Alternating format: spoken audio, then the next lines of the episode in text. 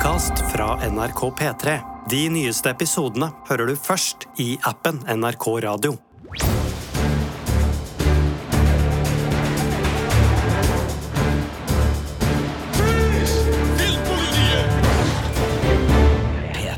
For ganske så nøyaktig 30 år siden kom den første spillefilmen basert på et videospill. Super Mario Bros. Eh, Den starta ifølge mange en dårlig trend som har gjort at enkelte, inkludert meg sjøl, reagerer med frykt og skepsis når jeg hører om at et videospill skal bli til en film eller TV-serie. Eh, Gjennom åra har filmer som eksempel Doom og Assassin's Creed bekrefta denne frykten. Nå er spørsmålet har det snudd? 16. januar er det premiere på HBOs storserie The Last of Us, basert på det fantastiske spillet med samme navn.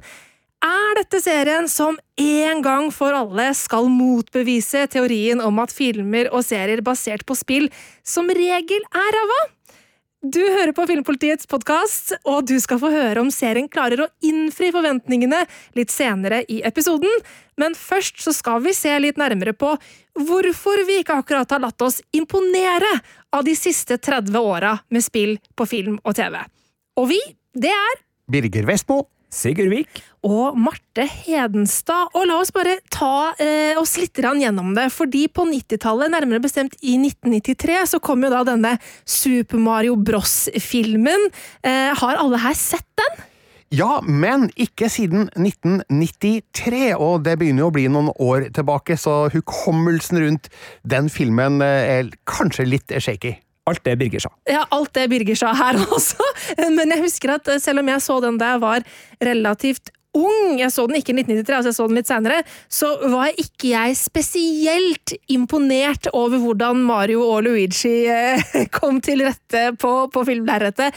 Eh, Og det var jo filmen som kanskje ble startskuddet for en ganske negativ trend. Ja, altså, det var jo den første spillefilmen basert på et dataspill, og jeg husker jo at det var mye oppstyr rundt akkurat det den gangen, for Super Mario Bros var jo et umåtelig populært spill på Nintendo-konsollen, og det at det skulle komme en filmversjon av såpass kjente og kjære figurer som de var for veldig mange den gangen, det var oppsiktsvekkende.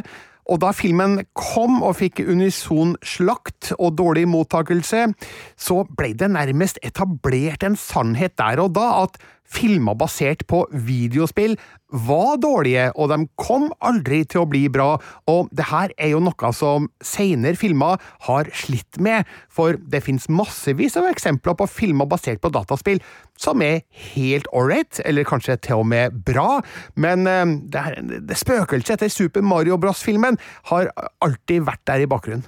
Jeg var jo elleve år da den kom, og tolv år året etterpå, da vi fikk Double Dragon og Street Fighter, eh, også da eh, spillbaserte filmer.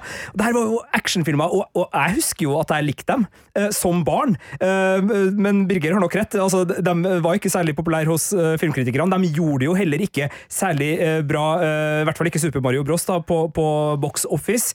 Eh, og jeg så igjen Street Fighter i, i går, faktisk, for å se hvordan har den her Jean-Claude Van Damme-filmen basert på det her enkle arkade-slåssespillet holdt seg. Eh, og Overraskende bra, var vel det svaret mitt. For det, det, det fungerte, men, men samtidig det er jo tydelig å se hvor enkel filmen er, og uh, hvor på en måte manuset har sine uh, utfordringer når det skal fylles ut da, fra spill til spillefilm. For jeg elsker at du sier at den har på en måte holdt seg, for det er jo en film som uh, Ja, har den holdt seg like dårlig? Altså, sånn, det er jo en film som på en måte går igjen på alle disse topplistene eller bunnlistene da, over de verste spillfilmene noensinne. Og alt sånn Men du kosa deg med den? Eller? Jeg hadde glemt det. Den har Kylie Minogue i en birolle, som spiller da sammen med Jean-Claude Van Damme, som på den tida var en stor kampsportstjerne.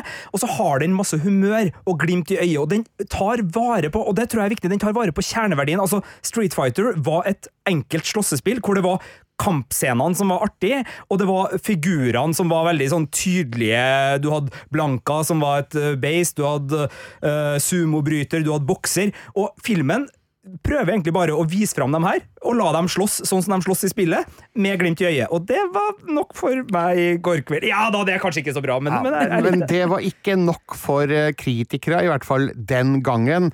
Altså det å skulle adaptere et videospill, dataspill, da, til spillefilm, det ble jo sett på som en umulig oppgave, fordi du måtte jo gjenskape den spillopplevelsen som publikum hadde når de spilte spilla, og det var ikke alltid like lett å overføre den følelsen på bekostning av å fortelle en god historie. Det har jo senere filmadopsjoner gjort mye bedre eh, på, eh, basert på spillmediet.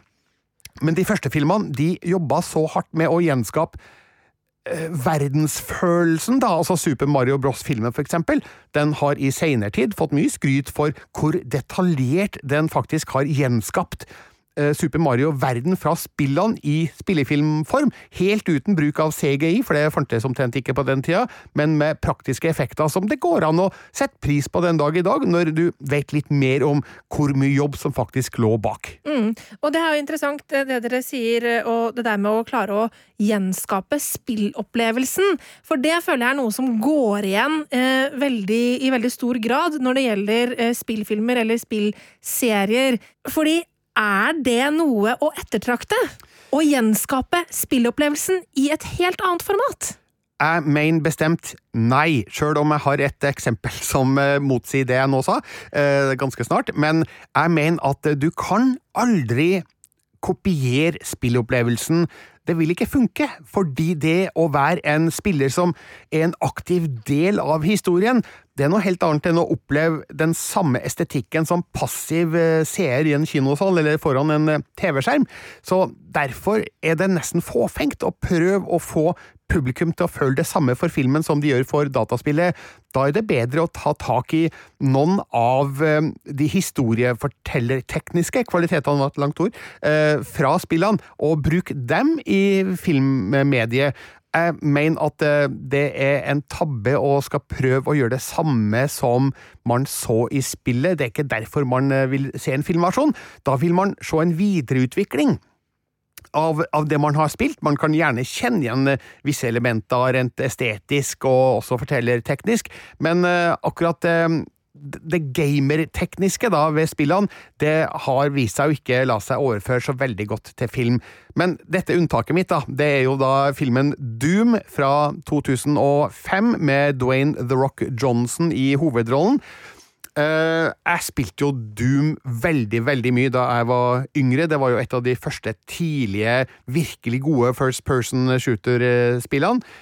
Eh, men filmen som kom i 2005, for det første, den kom mange år for seint. Fordi Doom var jo et tidlig 1990-tallsfenomen. Eh, For det andre så eh, var filmen bare ræva dårlig. Altså, en helt håpløs, tynn og kjedelig historie. Det er jo nesten det største synden filmen gjør, er at den er kjedelig. Det er veldig mye sniking i ganger og korridorer, og det kan være spennende når du er en eh, spiller som eh, beveger deg sjøl gjennom dem, men det å se disse pappfigurene gjøre det samme på film, det var rett og slett eh, veldig skuffende og ikke noe morsomt i det hele tatt. For det andre så eh, trodde jeg aldri på noe av det som blir sagt i filmen. Altså, ok, jeg hadde ikke forventa meg Shakespeare i en Doom-film, men eh, bare sånn dumme, platte one-liners som ikke fungerer i det hele tatt. Og Dwayne The Rock Johnson, som jo allerede da hadde blitt en stjerne, ikke i nærheten av den stjernen han er nå, men allikevel, et kjent navn. Han, han, han fungerte ganske dårlig i sin rolle. Men så har vi da den ene sekvensen i Doom der de virkelig kopierer first person shooter-perspektivet fra spillene. Og det var det jeg likte best I, i akkurat Doom, men det var vel kanskje fordi at eh, der fant filmen endelig tilbake til røttene, som, som vi kjenner det fra spillene, eh, spesielt da med den blodige actionestetikken som av en eller annen pussig grunn mangla i resten av filmen. Men akkurat den sentrale sekvensen cirka midtveis, der du får fortalt eh, actionhistorien eh, fra førstepersonsperspektivet, det var faktisk løst eh, på en såpass sprek og viril måte at jeg skulle nesten ønske mer av det i Doom. Men altså, det her er unntaket. Ellers syns jeg filmer som baserer seg på dataspill, bør holde seg litt unna og kopiere direkte fra spillopplevelsen man hadde sjøl. Ja, fordi det er jo en veldig stor fallgruve, for det er jo en sånn greie som man blir påminnet hvor kul den spillopplevelsen var. Men sånn som da du koste deg med Street Fighter i, i går, Sigurd, så syns jo du da disse fightene var veldig kule. Og så hvordan, hvordan er historien i Street Fighter-spillet, liksom? Det er en slem general, det er en god ja. helt, og de skal uh, møte hverandre, og så er det noen gisler. Ja, for der er sånn, Street Fighter er et eksempel på uh, Ja, det er noe historie i spillene, uh, men det er jo ikke det som er hovedpoenget med spillene. Hovedpoenget er fightingen, og derfor fikk det også da Uh, hovedplass i filmen, men det blir jo fryktelig tynt. Uh, og det er noe jeg syns går igjen i veldig mange av disse uh, adapsjonene som har gjort det dårlig, og som, som er ganske svake. nettopp det at det blir bare en sånn rehashing av det du allerede har opplevd. Eh, og det virker jo litt som bare en sånn pengemaskinsønske. Eh, at sånn, man veit at spillbransjen er svær, man veit at eh, spillbransjen har mange fa fans rundt ulike titler. Eh, skal vi ikke bare prøve å utnytte det litt, eh, og få dem til å komme på kino? Ja, det er nok markedshensyn som står bak mange av de her filmene basert på dataspill. Men samtidig så tror jeg nok at eh, de aller fleste som går inn for å lage en slik film. De gjør det med gode hensikter, eller de gjør det med en ambisjon om å gjøre noe som er bra, i hvert fall. Eh, og så eh, er det jo ikke alltid at det slår an, da. Men eh, du, du, er inne på noe sentralt her med dette å fortelle en god historie, fordi det er jo noe som en del dataspillfilmer har glemt, at eh, det, det er det faktisk det viktigste. Det er viktigere å fortelle en god historie enn å kopiere estetikken fra et mm. dataspill. Og et eksempel på det er jo Assassin's Creed fra 2016, men den kommer på kino rett over nyttår i 2017 da her i Norge, med selveste Michael Fassbender i hovedrollen, og det er jo en kvalitetsskuespiller som man skulle tro bare eh, signa seg til ganske sikre filmer. Altså, ok, han gjorde Snømaren også, ja. Så Michael, Michael Fassbender han eh, er litt i tvil om her. Nei, men uansett, da. Eh, det var jo en film som prøvde å gjenskape utseendet fra Assassin's Creed-spillene, men med en så tynn historie at uh, der var det virkelig ingenting å bry seg om, og det var en, uh, typisk, et typisk eksempel da, på mm. en, uh, en, en, film som feila. En adopsjon som ikke gjorde det som man må gjøre hvis man skal ha suksess med en adopsjon av et spill. Man må fortelle en god historie. Mm, og det er jo, For det er jo noen som har klart det opp igjennom. Altså, eh, ikke at de er noe sånn anerkjente, men jeg elsker jo f.eks. Tomb Raider-filmene med Angelina Jolie fra, fra 2000-tallet. Og var jo ikke så verst den Roar Uthaug-nyinnspillinga som kom eh, for noen år siden heller. Nei, den likte jeg jo godt. Den var vel en litt mørkere utgave av eh, Tomb Raider-universet på film. da. Nå har jeg ikke sett den Angelina Jolie-filmene av en eller annen grunn. Jeg tror kanskje at de hadde sommerpremiere når jeg hadde ferie i sin tid, da. Men, men den Roar Uthaug-filmen som kom i 2018, den syns jeg eh, fortalte en, en, historie som faktisk var engasjerende og meddrivende. Samtidig som, ja, jeg kjente jo igjen en del spillmekanismer der, men de ble ikke brukt på en veldig sånn åpenbar eller påtrengt eller påtatt måte, men som en naturlig del av historiens gang. Ikke sant? Og derfor trodde jeg at eh, den Uncharted-filmen, eh, som vi jo hadde ventet eh, uhorvelig lenge på.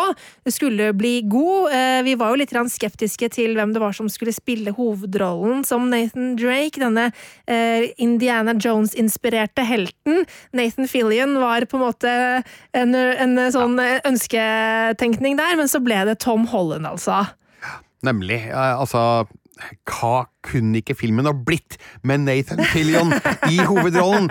Men uh, her må man vel bare innse at uh, Tom Holland er et mye mer bankable uh, Hva heter det på norsk? Et, et pengesikkert navn da, for publikum. Kort. Et sikrere kort, da syns jeg dere glemmer Mark Walberg, som også spiller en oh, sentral eh, ja. rolle her. Men det er altså Tom Holland og Mark Walberg som fikk den jobben. Og eh, jeg var snill med den da jeg anmeldte den. Den fikk en terningkast fire. Det angrer jeg nok litt på, for den har nok ikke stått seg til mer enn en terningkast tre. Og det her er jo et sånt eksempel på eh, spillene forteller historier på en artigere måte enn filmen klarer å gjøre.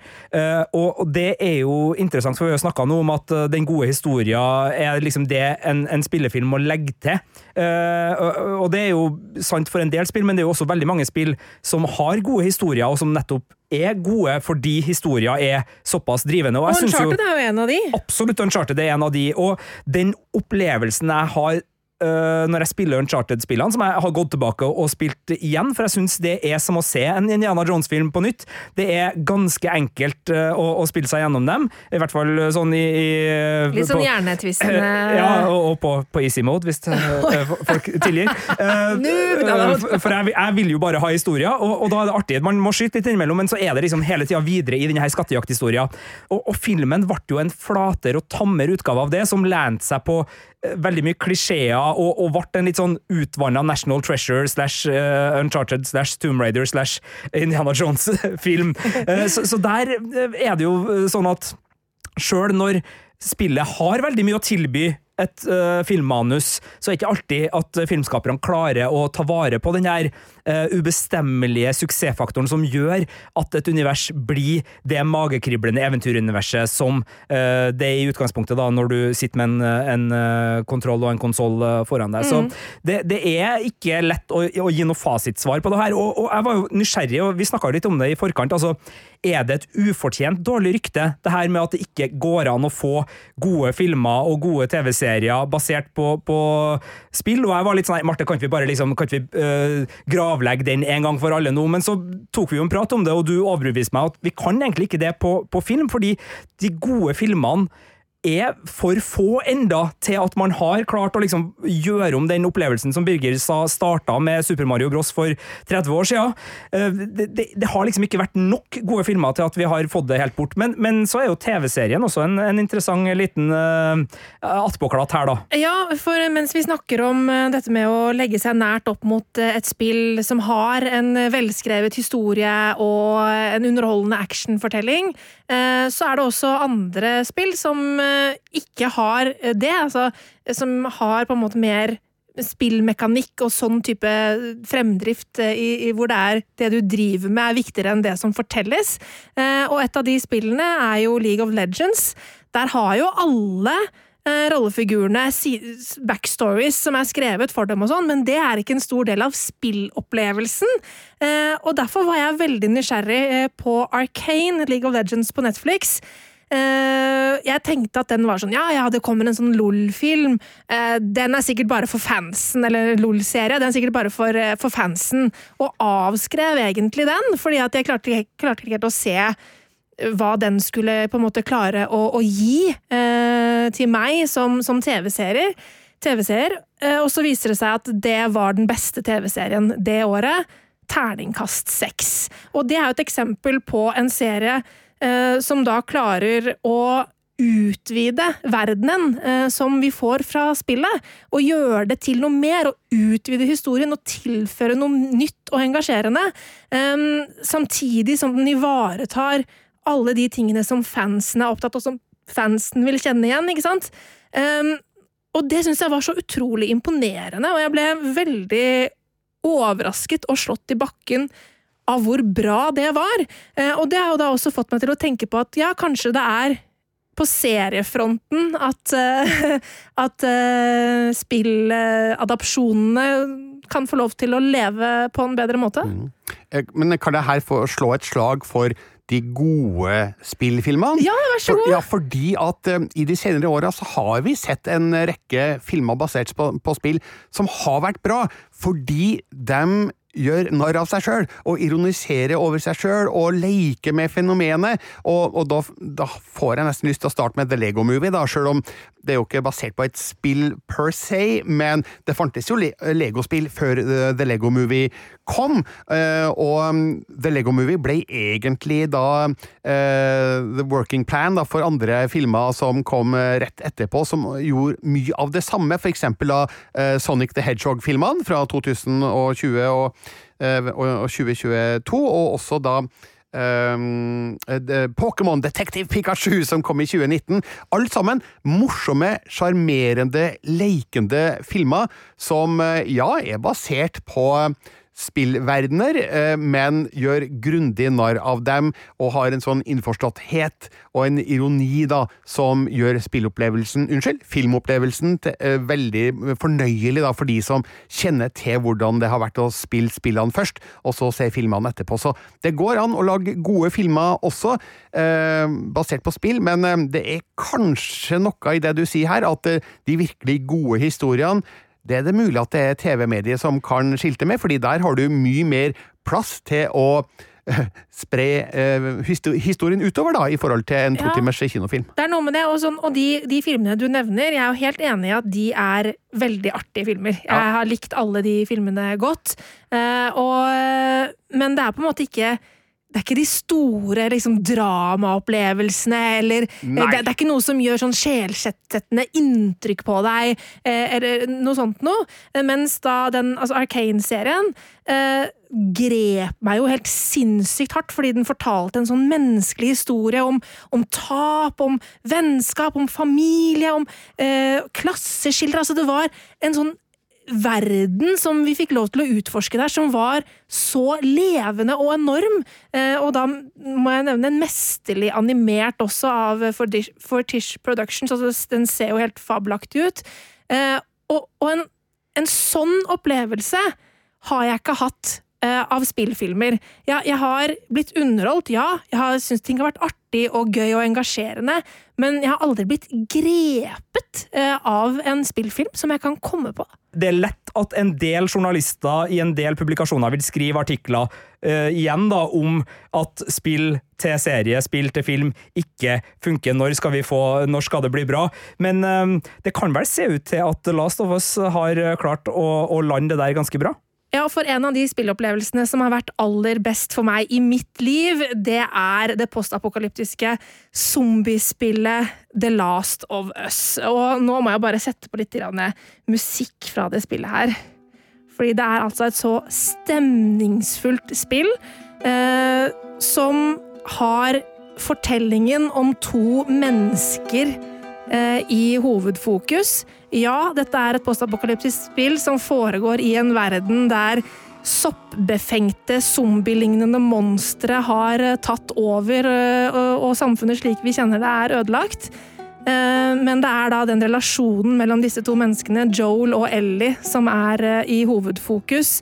Og det her er en, et spill som gjorde så dypt inntrykk på meg, både på grunn av forholdet mellom denne voksne mannen og uh, denne unge jenta som utviklet et slags far-datter-forhold. Um, det traumatiske, de etiske valgene de måtte ta, hva er du villig til å gjøre for å overleve? Men også lunheten og hjertevarmen som ligger i historien, grep meg helt utrolig. Og så er det også et skikkelig spennende spill som er dritskummelt når du skal snike deg gjennom eh, liksom mørke rom med, med, zombier som lager sånn klikk litt sånn For de, de, de, kan ikke de kan ikke se, men de sender ut eh, lydsignaler, så hvis du lager den minste lille lyd, så blir du angrepet. Og eh, dette spillet her er altså det spillet som nå har blitt til TV-serie på HBO. Herregud. Jeg har ikke spilt eh, noen av de to spillene, men jeg har to sønner som har eh, spilt begge to, slukt dem, og har sagt til meg ca. 40 ganger hver at 'pappa, du må spille The Last of Us'. Og så har jeg ikke gjort det. Men eh, hva har jeg altså da gått glipp av? Jeg hører jo at det her er noe virkelig stort. Det er virkelig det. Og dette her er jo da et eksempel på et spill som jo har lagt seg ganske nært opp mot filmens fortellerstruktur. Eh, her er det historien som er det viktigste. Eh, ja, du beveger deg gjennom denne postapokalyptiske verden, og det er eh, interessant spilldynamikk og mekanikk her som gjør at du blir utfordra. Eh, og du må slåss mot zombier, og du må finne ut av hvordan du kommer deg gjennom ulike hindringer og, og alt mulig sånt. Eh, men det er historien som gjør dette spillet her så utrolig sterkt, og også oppfølgeren til Last of Us 2, som, som også har eh, en ekstrem sterk historie når det kommer til hvilke moralske valg du må gjøre. Eh, og så er det noe med det som du nevnte i stad, Birger, at når du er en aktiv deltakende part i fortellingen, så blir denne type fortelling så utrolig sterk, fordi der du er med å gjøre de vanskelige valgene, du er med på å kanskje innimellom være et dårlig menneske eh, fordi eh, deg og dine skal overleve, eh, samtidig som vi da får lov til å bli kjent med disse rollefigurene over tid. Eh, og det var jo noe jeg var veldig spent på, var for det første om jeg ville bli like glad i rollefigurene på TV-skjermen som jeg ble på TV-skjermen i spillformat, eh, i HBO sin adopsjon, som har premiere 16. januar, så er det jo Pedro Pascal og Bella Ramsey som spiller hovedrollene som Joel og Ellie. Og dette her er jo to skuespillere vi allerede er glad i fra både Game of Thrones, men også The Mandalorian. Um, og jeg var veldig veldig spent på den dynamikken de kom til å ha sammen. Uh, fordi dette her er jo da i fortellingen om Joel uh, i utgangspunktet, som er, lever da 20 år etter en pandemi av uh, sopp. Altså soppsporer som sprer seg og, og infiserer mennesker, som gjør at det, det vokser frem liksom sopp i hjernen til folk, sånn at de blir gale og til slutt ender opp som monstre. Um, og han er blitt en ganske sånn desillusjonert eh, type. Driver med smugling og svartebørs i de forskjellige sånne små i hermetegn trygge lommene av sivilisasjon som er igjen. Det er noen sånne, sånne karantenesoner rundt omkring i USA, da, hvor folk bor. Eh, og han får da i oppgave å frakte en ung jente som heter Ellie, Eh, til et sted. Jeg skal ikke gå så veldig dypt inn på hvorfor det, for det er jo noe av det som er spennende med fortellingen. Hva det er med Ellie som gjør at hun er så viktig da, som hun virker å være. Um, og på, på, denne veien da, gjennom eh, et, et postapokalyptisk USA, så møter de selvfølgelig på masse utfordringer, både i form av eh, mennesker, men også disse monstrene. og uh, lære hverandre å kjenne. Eh, og det er den reisen mellom de to som gjør at The Last of Us blir så interessant. Både i spill, men også i TV-serieformat. Eh, og der, det spørsmålet om hva, er, hva gjør en ødelagt verden med deg som menneske, det er noe av det viktigste i spillet, og det har HBO også klart å gjenskape i den nye serien. Men det mange kanskje spør seg om, da, som har spilt spillene, er det den samme historien som fortelles i serieversjonen? Ja, det er, eh, en, så, så, lenge jeg har sett, den samme historien. Altså, eh, HBO sendte ut ni episoder, det er alle episodene i sesongen. Jeg valgte å se kun fem av de, fordi eh, sånn, når man anmelder TV-serier, så er det sånn at eh, det hender at eh, selskapene sender ut episoder som ikke er ferdig, fordi ja, Det vet man kanskje ikke, men TV-serier de jobbes med kontinuerlig når det kommer til uh, effekter og sånn. Det, hvis eh, du er på episode én som har premiere, så jobbes det antakeligvis uh, kontinuerlig med f.eks. episode åtte nå. Den er ikke ferdiglagt CGI osv. Til alle som roper Netflix nå, det, det er forskjell selvfølgelig på, på ulike strømmetjenester og ulik publisering, men mange TV-serier lages på den måten. Ja, mange TV-serier lages på den måten, og det gjør da, mm, har da The Last of Us blitt. Sånn at jeg valgte å ikke se videre fordi den rett og slett var for uferdig. Eh, og i en, i en serie som eh, handler om eh, ja, en postapokalyptisk verden og zombier, så er det mye CGI. Ja. og da mente jeg at det var ikke bra nok for, for anmeldelsen å, å, kunne se mer. Men, men, på det jeg har sett, så så kan jeg si at den legger seg veldig, veldig, veldig tett opp mot spillhistorien. Og det er nok Eh, fordi at uh, Neil Druckman, som var da uh, creative director på The Last of Us, er med som serieskaper her, sammen med da Craig Mason, som lagde Tsjernobyl. Sånn at de har rett og slett brukt mye av hans manus, altså Druckmans manus, gjerne helt sånn ned på replikknivå. Det er jo endringer, selvfølgelig, og det er noen ting som er litt annerledes, men stort sett så er det veldig, veldig likt. og Um, nå er det jo noen år siden The Last of Us kom, 2013, men det der er et spill som jeg vet mange spiller igjen. Um, fordi at den historien er såpass god. Så det er nok mange som har den friskt i minnet, og som vil kanskje tenke at det her er jo bare akkurat det samme. Um, men så er det jo en jævla god fortelling, da. Uh, mm. Så hvorfor skal man endre så veldig mye på den? Um, og så er det noe med det at gjennom denne TV-serien så åpner man jo også opp for et større publikum. Uh, fordi det er jo kjempemange som ikke spiller spill, eller ikke har tid til å spille spill, eller ikke, Ikke bryr seg om spill, spill. eller ikke er god på å spille spill, som, som, som nå da også får muligheten til å oppleve denne veldig sterke historien.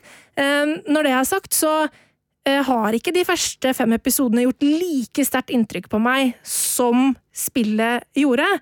Um, men det handler nok det handler nok noe om at jeg ikke selv er den deltakende parten, uh, når det ikke er jeg som sniker meg gjennom de mørke rommene og hører denne klikkelyden, eller blir forfulgt av et dritsvært gassmonster, og jeg løper livredd gjennom gangen, liksom, så, så blir man jo ikke like grepet. Man gjør jo ikke det. Du har ikke ropt til skjermen eh, når du har sett disse episodene? Nei, du skal den veien! Du skal den veien! Jeg har ikke det. Jeg har ikke kasta noen kontroller noe sted heller. Men et spørsmål til her, fordi sjøl selv om jeg ikke har spilt The Last of Us sjøl, så jeg har stått bak mine sønner og sett på at de har spilt det. Ja. Og det tar jo ikke lang tid å forstå at ja, det her er jo et skikkelig, skikkelig skikkelig bra spill.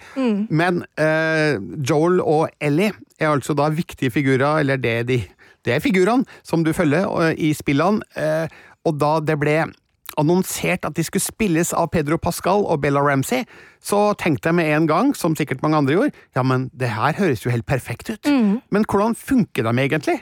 Det funker kjempebra. De har utrolig god kjemi sammen, og jeg, jeg tror eh, på, på det forholdet de har, da. Det starter litt sånn motvillig, ikke sant. Kan være gretne gamle gubben eh, Joel som eh, han drar med på det jævla oppdraget da, fordi han trenger den dumme belønninga, liksom. eh, og, og Ellie eh, er jo da en tenåringsjente mm, som har vokst opp i en verden som har gått under, eh, men elsker alt som er fra tida før, og syns liksom, ja, saumfarer sånn butikk, gamle nedslitte butikker for tegneserier og alt mulig sånt. ikke sant? Eh, og hun har veldig glimt i øyet og kan være litt sånn småfrekk og sånn. og eh, det er en sånn lunhet eh, i det samspillet de to har sammen, som er veldig artig å, å se. Ligger det en Mando og Grogu-vibe og lurer i Ja, det bakgrunnen her? gjør kanskje litt grann det, bare, bare at uh, Ellie, er liksom, Ellie er ikke søt på den måten, hun er mer tøff og kul. Grogu er jo bare jævlig søt! Så nå har du ikke sett de siste fire episodene, da. Eh, så du vet jo ikke helt hvordan det her går. Men uh, etter det du har sett så langt, ser du for deg at dette er et univers som kan utvides og ekspanderes i serieform? Ja, altså, bare sånn hvordan universet ser ut, så ser det jo helt fabelaktig ut. Eh, de har virkelig klart å skape noe unikt med denne postapokalyptiske verdenen. Postapokalyptiske verdener, som er veldig vanskelig å si, eh, har vi sett mange, mange ganger før. Både på, på film og i TV-serier. Eh, det som skiller The Last of Us ut litt her, er den der, den soppesporegreia som sprer seg rundt omkring, og det skaper en del sånn stilige eh, landskap og, og sånn, som, som er fascinerende å utforske. Um, og jeg gleder meg veldig til å fortsette denne historien i, uh, i serien. Jeg kommer til å se første episode på nytt, og så følge, det, følge serien kontinuerlig fremover nå utover våren. Um, og så er det jo et oppfølgerspill som er knallbra, som eh, jeg forventer eh, kommer også til å bli eh, serifisert, mm. hvis, hvis eh, denne HBO-serien gjør det bra. Eh, og jeg ser ingen grunn til at den ikke skal gjøre det bra, fordi dette her er en knallgod dramahistorie, rett og slett. Og um, jeg har jo hørt uh, fra andre som har sett mer enn meg, at det blir bare bedre og bedre utover sesongen, så det skal bli spennende å se da om den femmeren kanskje må vippes opp enda et hakk. Hvem vet, når alle episodene er eh, ute. Mm. Interessant. Så da er det store spørsmålet om eh, serier som Arcane, som The Last of Us, og som The Witcher for så vidt også, på, på Netflix, har jo gjort det veldig bra. Halo har kanskje ikke gjort det så Nei, veldig bra, men det har også vært en stor de- Vi snakker om de gode, om på en måte de titlene er nok til å kunne si at vi skal begrave den derre eh, spill er dårlig på, på, på film eller TV. Vi kan ikke begrave den helt enda, men det er vi er i hvert fall på god vei. Og eh, det kommer jo også veldig mye Altså, dette er en trend som kommer til å fortsette, forhåpentligvis på den gode måten, fordi eh, strømmeselskapene kjøper jo opp alt som er av rubbel og bit eh, av store spillefranchiser nå. Altså, Amazon har jo kjøpt opp både God of War, eh, som jo er et uh, veldig kul action-eventyrspillserie, og ikke minst Fallout, uh, postapokalypsisk eh, der også. Mass Effect, science fiction. altså det, det er mye på trappene, og Netflix har jo også kjøpt opp eh, Horizon Zero Dawn som en av mine andre storfavoritter når det kommer til, til eh, spill gjennom tidene. Så eh, jeg tror vi er på trappene av noe nytt og spennende her nå. Jeg, jeg vet òg at det er en filmatisering under planlegging av et av mine favorittspill, nemlig Bioshock. Ja. Så det kan eh, bli interessant. Jeg er litt mer tvilende til Minecraft eh, The Movie, og også Ridley Scott, min favorittregissør, han var en gang aktuell med en filmatisering av Monopol. Altså, men jeg vet ikke hvor, hva, som ble med den, ikke hørt noe mer om Monopol, eh, så kanskje det aldri ble noe. Hva skal det handle om? En monopolspille? Kjøp, salg, gata, adressa. Det her er ganske enkelt, Marte. Hotell, hotell, hotell! Ja, men uh, også Duke Nukem, Borderlands, uh, Five Nights at Freddy's, uh, Gears of War. Massevis av kjente spilltitler som er aktuelle for mulige filmproduksjoner, men vi har ikke noe, eh, noe veldig mer konkret informasjon om dem nå i dag. Og målet er jo å ø, ikke lenger sitte og snakke sånn fungerer det å få film, Mm. ø, spill over på film og serier, men heller komme til den, ø, det, på en måte den posisjonen hvor det spørsmålet er like meningsløst som følgende. Bok til film, funker eller funker ikke? altså Det er, må være målet her, håper jeg. Det er et veldig veldig bra mål, eh, og jeg føler at vi er, vi er på vei i, riktig retning når det gjelder eh, spill på film og TV. Det er mye gode historier der ute. Eh, Og så kan jeg jo bare si at hvis du ikke har spilt The Last of Us, for all del få med deg The Last of Us TV-serien, fordi den er knallbra. Det var det vi hadde for i dag. Tusen takk til deg som hørte på, og takk til deg, Birger Vestmo. Eh, tusen takk, Marte Hedenstad. Og takk til deg, Sigurd Vik! Tusen takk, Marte Hedenstad. Vi høres igjen neste uke. Jeg syns jo at, eh, at alle ungdommer som skal inn i førstegangstjenesten, skal tenke seg om. For det vi gjør, er jo i verste fall ta liv, og i verste fall også bli såra og miste sitt liv.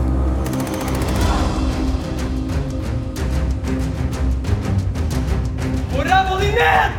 Er du en mann?